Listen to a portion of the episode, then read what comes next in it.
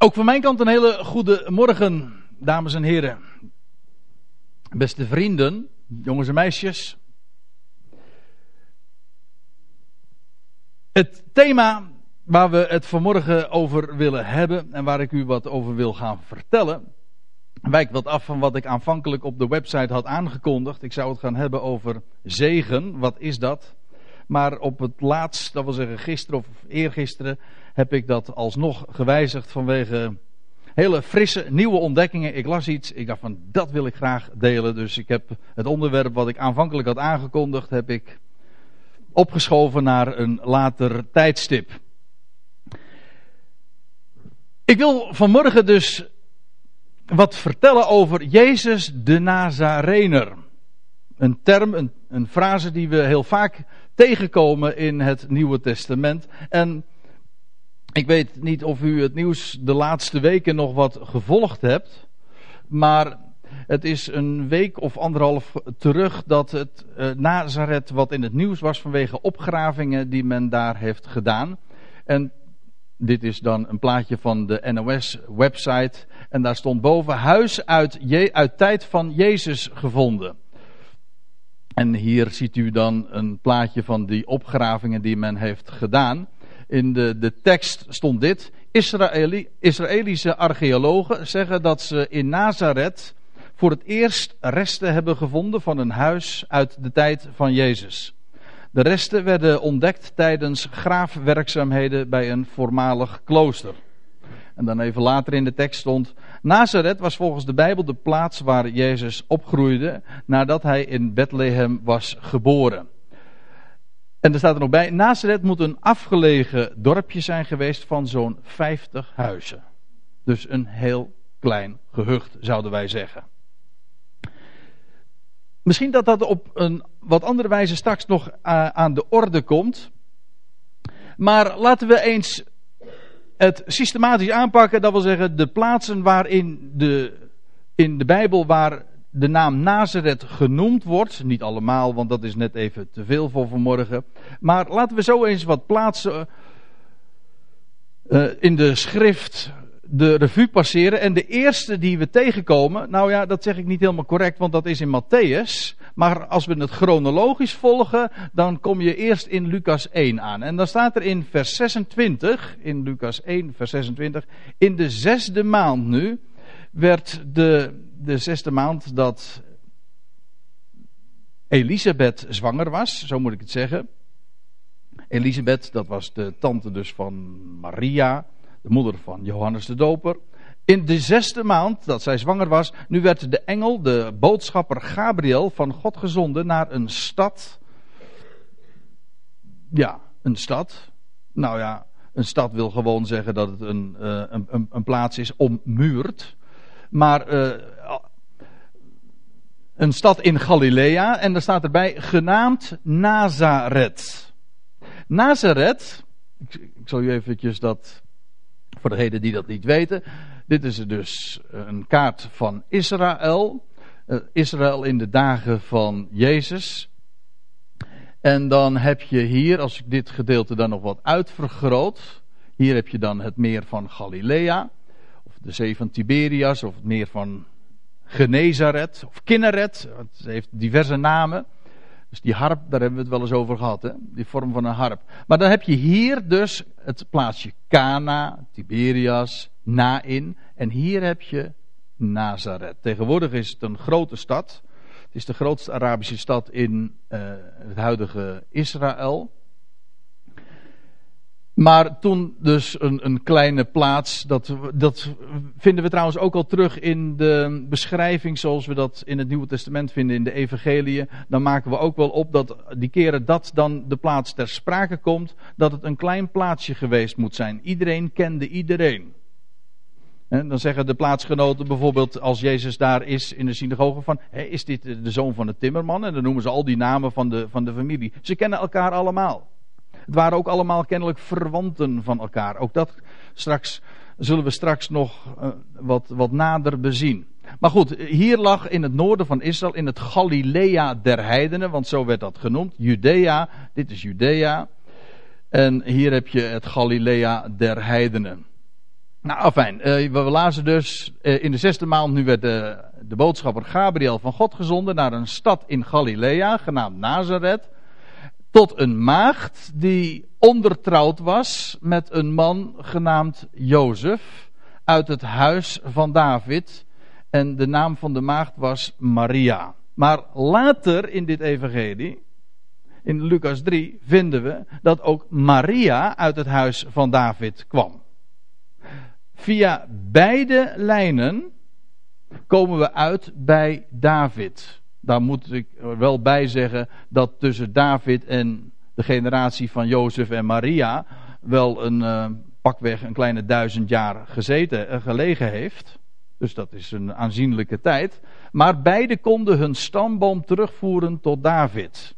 Voor hen was het trouwens ook heel erg belangrijk om een stamboom te hebben. Het huis van David. Want ja, het was de belofte had God gegeven aan David en zijn huis. Dus de, de genealogie, de stamboom, die werd nauwkeurig bijgehouden van deze familie. Maar die, die kleine, dat kleine stadje, dat plaatsje Nazareth, dat had dus in elk geval twee families die beide hun stamboom konden terugvoeren tot, tot David. Via verschillende lijnen, want David had twee, nou die had meerdere zonen, heel wat zonen zelfs. Maar de, Jozefs lijn loopt terug uh, via Salomo naar David. En Maria's uh, voorgeslacht is Nathan. En Nathan was een broer van Salomo. Maar ze komen dus beide uit het huis van David. Daar gaat het maar even om. Al is het via verschillende lijnen. De beide geslachtsregisters vinden we in, in de evangelie in respectievelijk uh, Matthäus, Matthäus 1 en deze geslachts, uh, dit geslachtsregister vinden we in Lucas 3. Afijn. Nou gaan we eventjes verder. Ja, we gaan terug in het Nieuwe Testament, maar we gaan verder in de tijd. Want dan komen we ja, dan moet ik eventjes de voorgeschiedenis natuurlijk vertellen. Hoewel, ja, wat moet ik hierover vertellen? Ik bedoel, uh, het is net uh, kerst geweest en wellicht hebt u uh, via, via allerlei routes het, het kerstverhaal gehoord. Of wat dan die naam heeft. dat Jezus geboren is in Bethlehem. Ze zijn, de, de herders zijn daar geweest. Dat vinden we ook nog trouwens beschreven in, in Lucas. En al die bijzonderheden, dat hij lag in een kribbe, et cetera. Later, op een later tijdstip zijn Jozef en Maria weer teruggekeerd naar Nazareth. En vervolgens zijn ze weer gaan wonen in Bethlehem. Waar vervolgens toen ook de magiërs, maar dat was inmiddels een hele tijd later. Ik weet wel, het gebruikelijke kerstverhaal is dat de herders die hadden hun voeten nog niet gelicht of de, de magiërs uit het oosten, die kwamen meteen binnen, maar dat kunt u wel vergeten. Inmiddels was Jezus al een jongetje van een jaar of twee.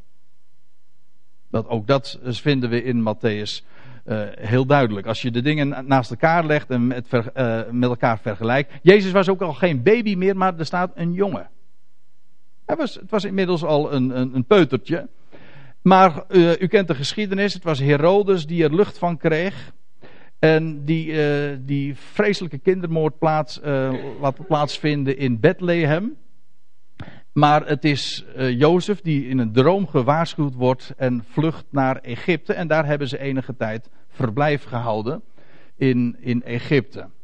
Dat is trouwens ook nog een heel, een heel verhaal apart. Maar dat vinden we dus ook beschreven in Matthäus 2. Maar dan lees je in Matthäus 2, vers 19. Toen Herodes gestorven was Zie, een engel des Heren verschijnt in een droom aan Jozef in Egypte.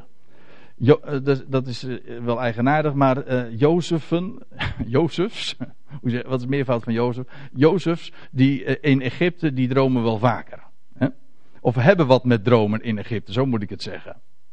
In elk geval, een boodschapper van de Heer verschijnt wederom in een droom aan Jozef in Egypte. En die zegt, sta op, neem het kind en zijn moeder en reis naar het land Israël, want zij die het kind naar het leven stonden, zijn gestorven. Dat wil zeggen, de befaamde koning Herodes, de eerste in een, in een hele lange dynastie, koningshuis, uh, is gestorven.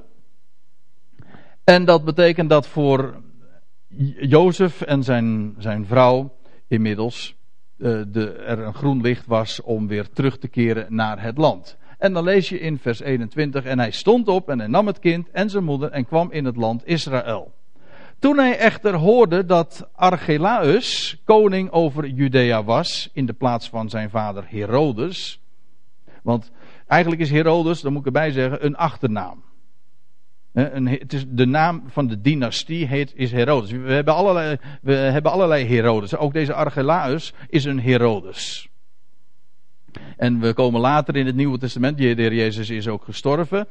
Toen koning Herodes, maar dat was dus weer een zoon daarvan, uh, regeerde. En later lees je ook van Paulus dat hij verschijnt voor Agrippa, koning Agrippa. Maar dat was Herodes Agrippa. Allemaal uit hetzelfde koningshuis. Een heidens koningshuis. Ik moet het uh, nog preciezer zeggen. Herodes was een, uh, dat waren een Idumese familie. Dat wil zeggen uit de, van de stam Edom. Van de stam van Esau. Dus in de verte het nog, nog wel familie natuurlijk van het Joodse volk. Dat wel. Maar Herodes kwam inderdaad, was van Edomitische afkomst. Een Idumeer lees je. En een heiden. Voor het eerst in de geschiedenis had het Joodse volk, had Judea een heidens vorstenhuis. En dat hebben ze geweten ook. Hoewel, ik moet erbij zeggen, de eerste koning Herodes heeft ook nog wel hele goede dingen gedaan voor het Joodse volk. Bijvoorbeeld de, de tempel verfraaid en een geweldig complex daarvan gemaakt. De tempel van Herodes. En dat is een werk geweest van bijna 50 jaren. Zolang als dat geduurd heeft. Maar daar eh, heeft hij enorm veel goodwill mee gekweekt bij de Joden, dat wel. Maar dat was niet te min een heidense vorst. En natuurlijk die vreselijk, dat vreselijke drama wat hij heeft aangericht daar in Bethlehem, daar moet je ook niet licht over denken. Afijn.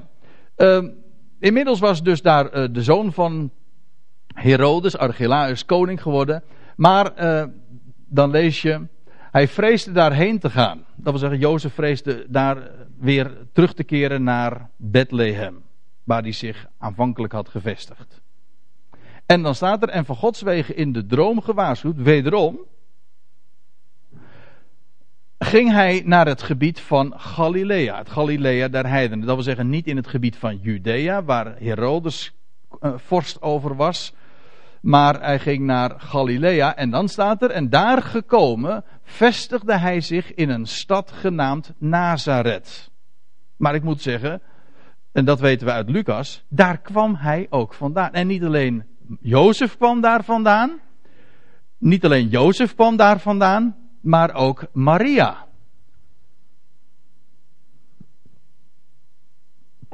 En zij vestigen zich dus weer, opnieuw moeten we dus vaststellen, in Nazareth. En dan staat er iets heel eigenaardigs. En daar wil ik vanmorgen vooral u eens op wijzen. Opdat in vervulling zou gaan hetgeen door de profeten gesproken is, dat hij Nazoreer zou heten. Ja, zo staat het in de NBG-vertaling. Als u een statenvertaling hebt, dan staat er Nazarener. En dat is natuurlijk ook het geval. Er is, alleen al over het woord is heel veel verwarring en dat is sowieso onnodig. Er staat een Nazarener. Dat wil zeggen een inwoner van Nazareth. Het punt is met Nazoreer, dan uh, leg je al heel gemakkelijk de link. Zojuist werd dat ook nog eventjes in. Uh, toen ik vertelde dat, het, dat ik het zou gaan hebben over Jezus de Nazarener. En toen werd er gezegd: van, Oh ja, dat is een, een Nazireer. Dat is iemand die een gelofte aan God had gedaan. Hm? Maar dan heb, dan heb je nog een ander begrip: Nazireer. Een Nazireer, de beroemdste die we kennen in de Bijbel, dat is. Juist, Simson. Dat was iemand, dat, je leest dat in nummer 6, dat was iemand die onder een gelofte stond. En um, gedurende de gelofte mocht ge, uh, geen scheermes op zijn hoofd komen. Dat wil zeggen, hij moest zijn haar laten groeien. Hij mocht bovendien geen, geen wijn of sterke drank drinken. En uh, nog een aantal dingen lees je van, van een Nazireër. Maar dat heeft hier niets mee te maken. Daar heeft er niets mee te maken. Hij ging in Nazareth wonen. En dan staat er op dat in vervulling zou gaan hetgeen door de profeten gesproken is dat hij Nazarener zou heten. Dat woordje Nazoreer heb ik nu in het vervolg ook gewoon altijd veranderd, zoals de Statenvertaling dat standaard heeft, in Nazarener. Een, een Nazarener. Maar nu komen we toch op een, een, een, een belangwekkend punt, want waar staat dat dan? Ja, want het punt is, Nazareth komt nergens voor in de profeten. Sterker nog, het komt helemaal nergens voor in het hele Oude Testament. Nazareth bestond niet eens. Het was een jonge plaats in de dagen van de Heer Jezus. En dat is toch wel heel erg opmerkelijk. Ja, en dan kom je bovendien. Nou, dan moet ik erbij zeggen. Sommigen hebben gezegd. En dat waren, dat waren niet de eerste, de beste eh, Bijbeluitleggers. Die, en dat vond ik wel een goede vondst op zich. En daar heb ik mij ook lange tijd mee tevreden gesteld. En die hebben gezegd van ja, er staat door de profeten gesproken. Het staat niet geschreven, maar het is door de profeten gesproken. Dat wil zeggen, het kan berusten op mondelinge traditie. Waarvan wij dus verder geen weet meer hebben.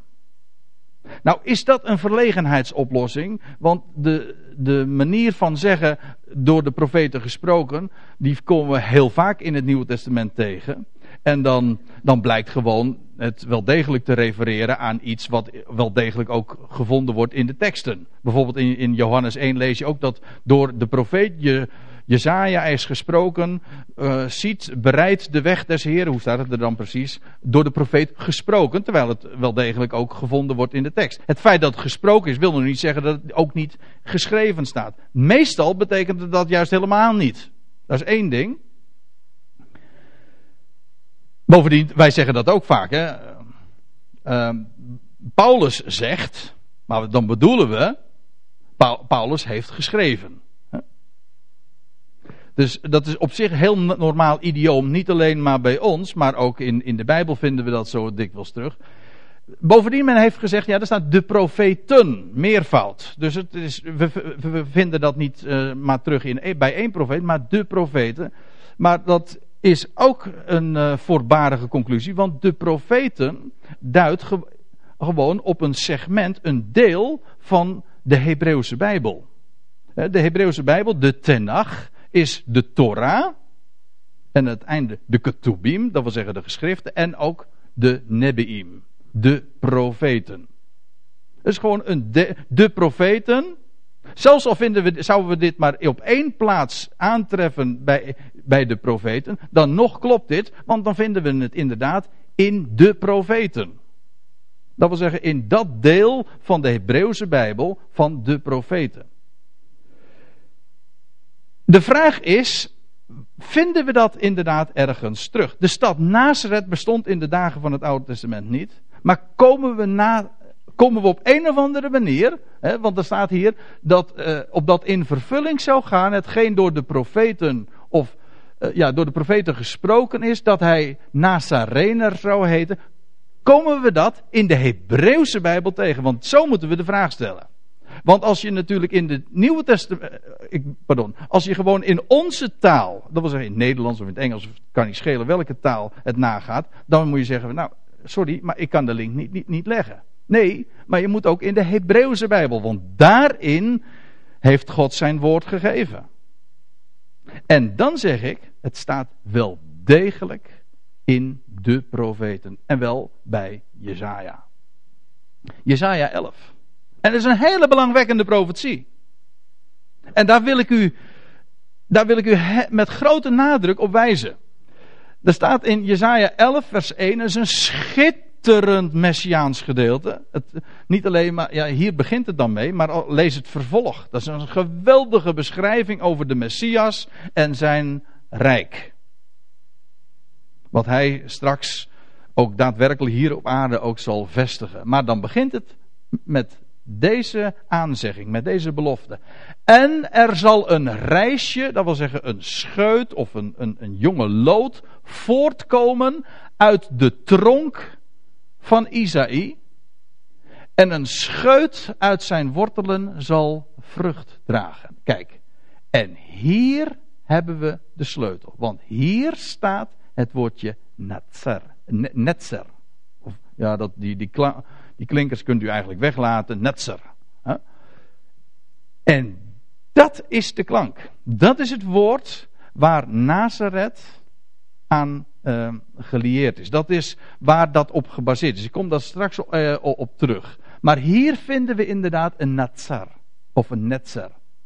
En wat daar dus in deze tekst staat, is dat er van de dynastie van David, het koningshuis van David, zou overblijven. Van de, eh, van de dynastie van David zou slechts een afgehouwen tronk overblijven. Dat wil zeggen het einde van het koningshuis van David. Er zal een reisje voortkomen uit de tronk van Isaïe. Dat wil zeggen, een tronk, dat is een, een ja, in de Statenvertaling staat de, eh, de afgehouwen stronk. Dat wil zeggen, zoals je dat in dit plaatje ook ziet. Een omvergekapte boom. Dat, u moet zich voorstellen, dat, dat koningshuis, die dynastie, dus eigenlijk ook gewoon een stamboom hè, van, van generaties, wel, die zou op een gegeven ogenblik afgehouden zijn. Dat, dat koningshuis van David, het is van, van, van vader op zoon overgegaan, honderden jaren lang, maar op een gegeven ogenblik zou het een afgehouden tronk zijn. Het einde van het koningshuis van David. Jesaja profeteert dat in zijn dagen. Toen er wel degelijk nog steeds een koningshuis van David was. Actief. Ik bedoel, de troon in Jeruzalem was bezet door iemand, door een nakomeling van David.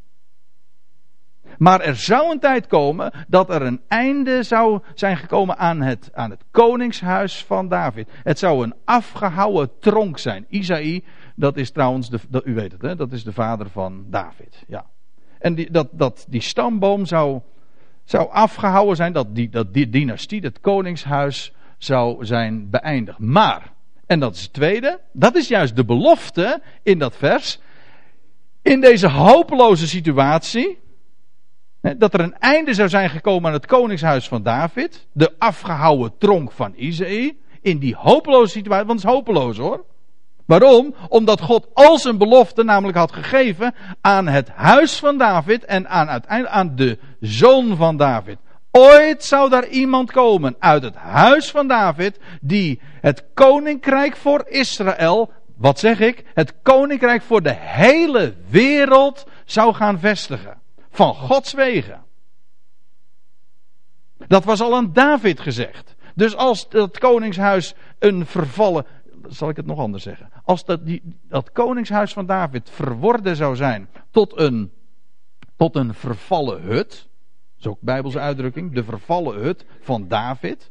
Het koningshuis dat zou slechts een, een, een bouwvolge zijn. Niets meer van over. Maar en dat is de belofte. In deze hopeloze situatie zou een netzer, dat wil zeggen een scheut, een telg, uit Davids geslacht voortkomen die vrucht zou dragen.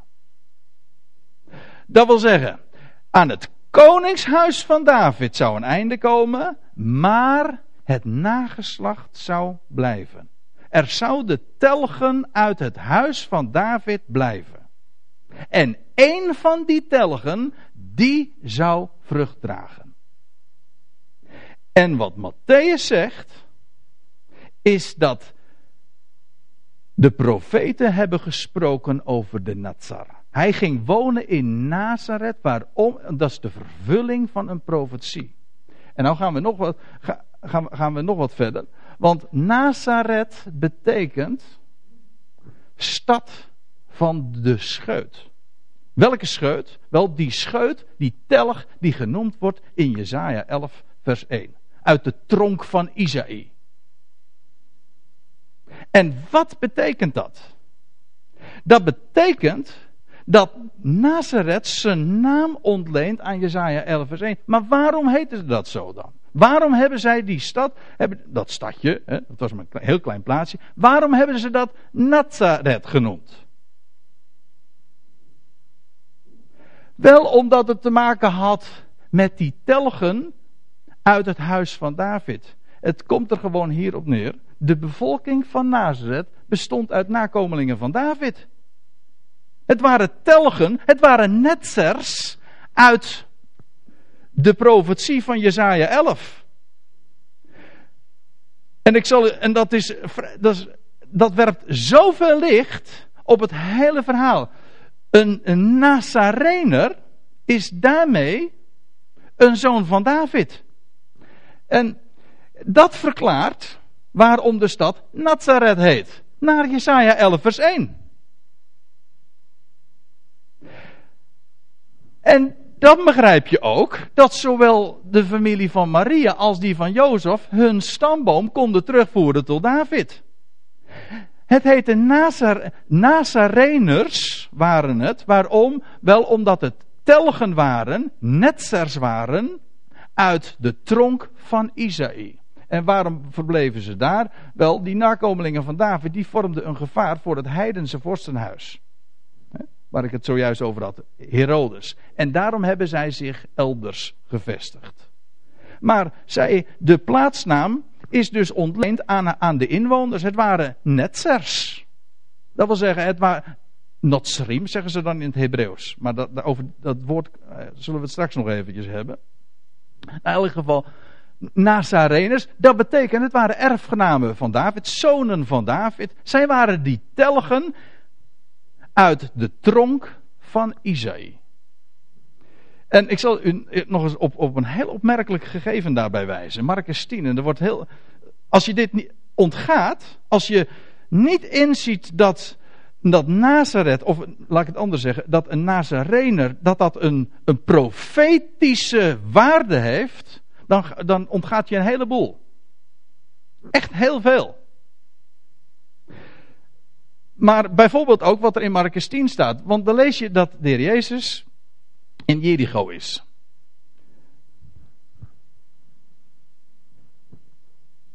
Daar staat er in vers 46. En ze kwamen te Jericho.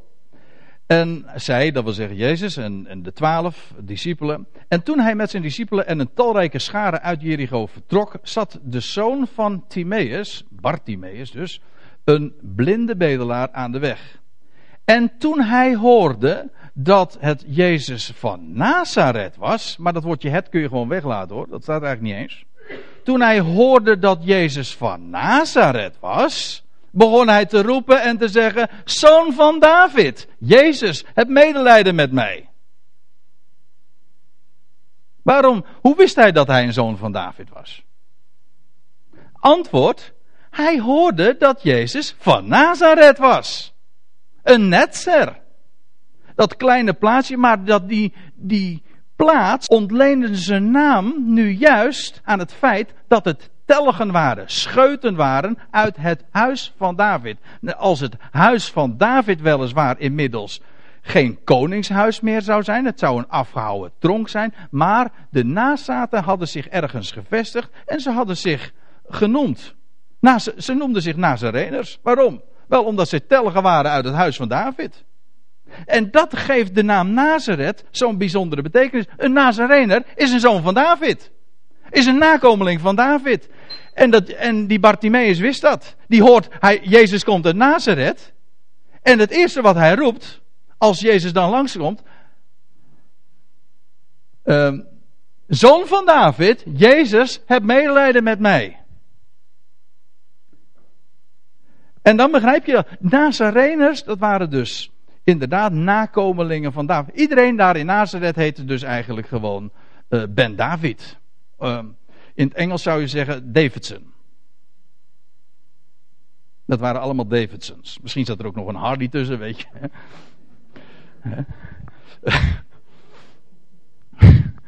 uh, nou, trouwens, nou ik het zo zeg. Het waren wel brommers hoor. Want als, je, als Jezus in Nazareth komt, dan wordt er wat gebromd. Hè? Want dan zeggen ze, wie is hij daar? Hè? En dan, uh, nou, ja, u, nou, u, nou snapt u natuurlijk niet. Want uh, Harley Davidson is inderdaad geen brommer, maar een motor. Ja, sorry. Nou goed. Uh, weer even serieus, ja. Het waren inderdaad Davidsons, dus nakomelingen van David. En daar ontleende Nazareth dus zijn, zijn naam aan. En, je, en Matthäus 2 vers 23 zegt het heel duidelijk. Het is de vervulling van de profetie. Ondanks dat Nazareth helemaal niet een plaats was in de dagen van het Oude Testament. Nee, maar het heeft een enorme profetische betekenis. De profeten hebben ervan gesproken. In een hele belangwekkende messiaanse profetie wordt eraan gerefereerd. Ja. Nou, neem ik u nog eens eventjes mee, verder mee in het boek Handelingen. Want dan wil ik u ook laten zien, en ik passeer een, een heel aantal plaatsen waar Nazareth nog vaker voorkomt. Maar ik wil u laten zien hoe deze plaats, de, of de Nazarener, hoe dat een rol speelt, ook in de prediking van de apostelen. Ik begin met, ik zal u een vijftal voorbeelden geven. Ik ben daar ook, ook daarin weer niet uitputtend, maar ik wil u een vijftal voorbeelden geven. En dan staat er in Handelingen 2. Petrus is aan het woord, op het tempelplein. Een enorme samengedromde menigte die hij te woord gaat staan en tekst en uitleg gaat geven over de wonderlijke gebeurtenissen die op die dag, de Pinksterdag, plaatsvinden. En dan, dan gaat hij roepen. Of nou ja, dan gaat hij een, een, referaat houden. En ik, probeer het je even voor te stellen wat hij, dat hij daar zo staat. En dan zegt hij, mannen van Israël, hoort deze woorden. Jezus, de Nazarener. Waarom noemt hij hem zo? Als je alleen maar denkt van, nou, het is een inwoner van Nazareth, dan weet je niet wat de, de waarde van, van zo'n uitdrukking is. Nee, maar een Nazarener betekent, het is een nakomeling van, Dava, van, na, van David, sorry, moet goed zeggen. Een netzer, ja. Hij is een netzer. Een Nazarener, een nakomeling van David. Jezus, de Nazarener. Een man, u van Gods wegen aangewezen, door krachten, wonderen en tekenen die God door hem in uw midden verricht heeft, zoals gij zelf weet. Waarom refereert Petrus meteen aan Jezus de Nazarene? Waarom noemt hij hem zo? Heel simpel, omdat de Messias, de man van Gods wegen aangewezen, een nakomeling moest zijn uit het huis van David. En dat is precies wat de term Nazarener ook behelst.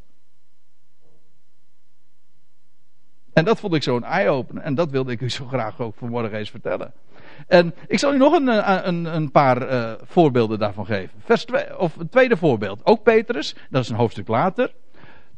Naar aanleiding van de genezing van die verlamde man. Daar aan de schone poort. Een, een, in al zijn onderdelen, ik wil het er graag nog eens een keertje op deze plaats over hebben, waarom dat zo'n profetische daad ook is geweest en waarom die man daar aan de schone poort lag, et cetera. Maar in elk geval, dan lees je dat Petrus en Johannes langskomen, langs die verlamde man, en dan, zegt, en dan zegt Petrus tegen hem, zilver en goud, dat bezit ik niet. Maar wat ik heb, dat geef ik u. In de naam van Jezus Christus, dat wil zeggen, het is Grieks, maar als het in het Hebreeuws zegt, Christus, de Mashiach, de gezalfde, degene die zou komen, degene die de profeten hebben aangekondigd, de Christus, de Nazarener, wandel. En u weet wat er gebeurt, hè? Hij ging niet wandelen, hij ging meteen springen. En huppelen en dansen. Hij deed nog veel meer. Hè? Wandel, ja, maar hij dans, hij hoefde niet te revalideren of zo. Eerst, hè, want dat gebeurt met, eh, is heel grappig. Nog niet zo lang geleden hoorde, las ik een verhaal van een bekend prediker hier in Nederland, die ook genezingsdiensten houdt.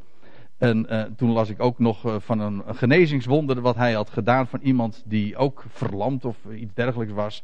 Maar, en die was genezen, weliswaar moest hij weer een hele tijd revalideren, maar uh, het werd toch, er werd toch reclame voor gemaakt als, genez, als een genezingswonder. Wat zei je Theo? Stapje voor stapje voor stapje. Maar nee, deze man was van zijn geboorte verlamd. En in de naam van Jezus, de Nazarener. Van het ene op het andere moment. Hij, hoeft, hij had nog nooit gelopen. Hij hoefde niet eens dus te leren lopen. Sterker nog, hij kon meteen huppelen en dansen. Hij ging dansend en springend de tempel binnen. Alsjeblieft. Dat noem ik eens een wonder. Goed, dat hoeft hij niet. Maar het gaat mij natuurlijk om dit ene punt. De, Jezus, de Nazarener. Ja, hoezo de Nazarener? Wat maakt het nou toch uit dat hij uit, uit, eh, uit een stad komt die in het Oude Testament niet eens bestond? Wat is de waarde daarvan? Wel, wat ik u vanmorgen wil vertellen, de Nazarener betekent eenvoudigweg dit. Het is een nakomeling van David. En daarmee dus iemand die beantwoordt aan de messiaanse eisen. Dat wil zeggen, de Messias, dat zou een zoon van David zijn. En dat is wat ligt opgesloten in die term Jezus, Yeshua, de Nazarener. Handelingen 4. Dat is trouwens weer Petrus. In het begin van het boek Handelingen speelt Petrus een hele grote rol. De hoofdrol mag ik wel zeggen. Met het evangelie van de besnijdenis dat hij daar aan Israël predikt. En dan staat er, dat Petrus dan uh, verantwoording moet gaan afleggen vanwege de misdaad die hij had gedaan aan die man natuurlijk.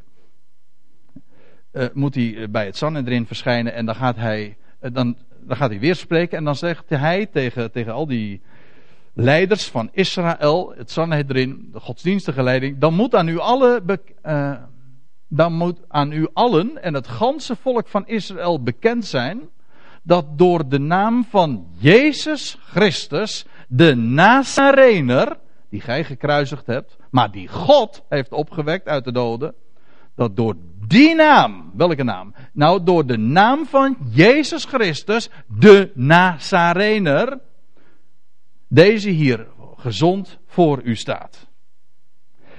Wat hier gezegd wordt, is dat de Nazarener een profetische naam is. Dat wisten we natuurlijk al lang, want dat stond in Matthäus 2, vers 23 al. Het was door de profeten. In de profeten staat het al. Maar zoals het vervolgens ook functioneert in het boek Handelingen, worden we daar alleen maar in bevestigd. De na Jezus de Nazarener, dat is een naam die aangeeft dat hij de, eh, de Messias is. En dat hij een nakomeling van David is. Dat is wat de term betekent. Een Jezus, de, Jezus Christus, de Nazarener. Wel, door die naam staat deze man gezond voor u. Dat wil zeggen, de Nazarener, hij is de Messias. Hij is de zoon van David. De Netzer, dat telgje uit de stronk van Isaïe. Oh, dit is trouwens ook een hele interessante plaats. Handelingen 24. Daar lezen we van Paulus dat hij ook verantwoording moet afleggen en dan.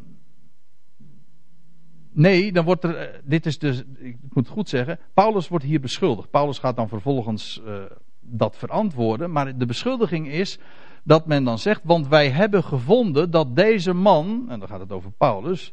Een pest is. Alsjeblieft. Iemand die opstanden verwekt onder alle Joden over de ganse wereld. Een eerste voorstander van de secte der Nazareners. Zo heten de christenen. De eerste discipelen. Dat, die werden genoemd de secte.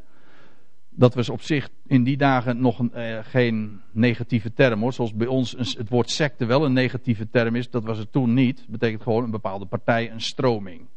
Bij ons heeft de, eh, de, term secte een hele andere lading al gekregen. Maar van origine betekent het gewoon een bepaalde partij of een bepaalde beweging. Maar de, het, hoe werd die beweging genoemd?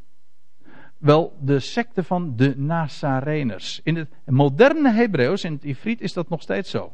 De christenen heten Notsarim. Notsarim, en Notsarim betekent eigenlijk uh, inwoners van Nazareth. Nazareners dus.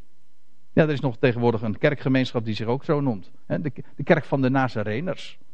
Dat is ontleend aan de eerste naam van, uh, van de christenen in aanvang dus. Zoals we dat hier ook vinden. De secte van de Nazaren, de Notsrims. Not, ja, not, nee, dat is meervoud. Notsri is enkelvoud. Een, een, een, uh, en de Nazareners, zij behoorden de Nazarener toe. Dat is het idee. En dan komen we bij de het laatste voorbeeld dat ik u wil geven.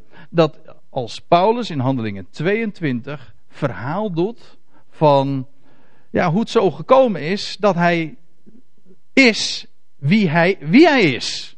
Hij was ooit dus die, die, die felle tegenstander. De meest felle exponent zeg, van, van en, en een, agressor tegen die secte van de Nazareners. En hij is als een, bij, als bij heldere dag zeggen we dan, nou inderdaad, als een blad aan de boom veranderd. Van het ene op het andere moment. En hij, hij, hij geeft dat, hij verhaalt dat diverse keren in het boek Handelingen. En Handelingen 4, 22 vinden we dat ook. En dat, dat hij dan zegt, maar het gebeurde mij, zegt Paulus dus, toen ik op mijn reis dicht bij Damascus gekomen was, dat plotseling omstreeks de middag uit de hemel om, omstreeks de middag uit de hemel een fel licht mij omstraalde. En ik viel op de grond en ik hoorde een stem tot mij zeggen: Saul, Saul, waarom vervolg jij mij? En ik antwoordde: Wie zijt gij, heren? En hij zeide tot mij: Ik ben Jezus, de Nazarener, die gij vervolgt. Ik ben Jezus, de Nazarener. Dat wil zeggen, de telg uit die stronk van Isaïe. Dat is wat erin ligt opgesloten. Een nakomeling van David. Dat is wat een Nazarener is. Ja, dat is trouwens in dit geval ook heel opmerkelijk. Want wat je hier dus ziet, is een, een vergelijkbare verhaal met wat je in het Oude Testament ook aantreft. Daar heb je koning Saul, ook uit de stam van Benjamin. Net als Saulus van Tarsus, was ook een Benjaminiet. En beide verzetten zich, vervolgen David. Het was koning Saul de Benjaminiet die David vervolgde. En het is Saulus van Tarsus die de zoon van David vervolgt. Dat wil zeggen de Nazarener. Ik ben Jezus, de Nazarener. De zoon van David die jij vervolgt. Dus exact dezelfde lijn. En dan begrijp je ook dus wat de waarde is, de inhoud van dat woord Nazarener. Dat betekent, om het nog even samen te vatten, de Nazarener dat is dus de beloofde scheut in Jezaja 11 vers 1. De scheut uit de tronk van Isaïe. Het ligt ook in opgesloten dat er inmiddels een einde zou zijn gekomen aan het koningshuis. Het zou inmiddels een afgehouwen tronk zijn. Dat, dat, is, de, dat is de, enige gedachte, de enige gedachte. Dus dat aan de dynastie van David inmiddels een einde zou zijn gekomen. Ja. Maar niettemin, er zou uit die afgehouwen tronk, uit de wortelen, een wortel uit dorre aarde staat er later in Jezaja. Uit dorre aarde, zo uit de dood, bij wijze van spreken, zou er een telg, een jonge scheut, zo voortkomen die vrucht draagt. Ja, dat is dan, daar moet ik dan ook nog even op wijzen natuurlijk. Want dat is wat Jezaja 11 vers 1 zegt. Hè. Een, er zal een, een netzer voortkomen uit die tronk van Isaïe die vrucht draagt. Er waren meerdere netzers. Er waren meer nakomelingen van David. Nazareth was, dat werd bevolkt door Nazareners. Dus allemaal telgen uit het, uit het huis van David. Jawel, maar hij, er zou een netzer voortkomen uit die tronk van Isaïe die vrucht zou dragen. Nieuw leven zou voortbrengen. Want dat is wat erin ligt opgesloten. Die nieuw leven zou, zou voortbrengen en die vrucht zou dragen en die ook werkelijk uiteindelijk de belichaming zou zijn van alle beloften die God aan het huis van David had gegeven. En hij zou dat succesvol in vervulling doen gaan. Jesaja 9 zegt dat geloof ik. Hè?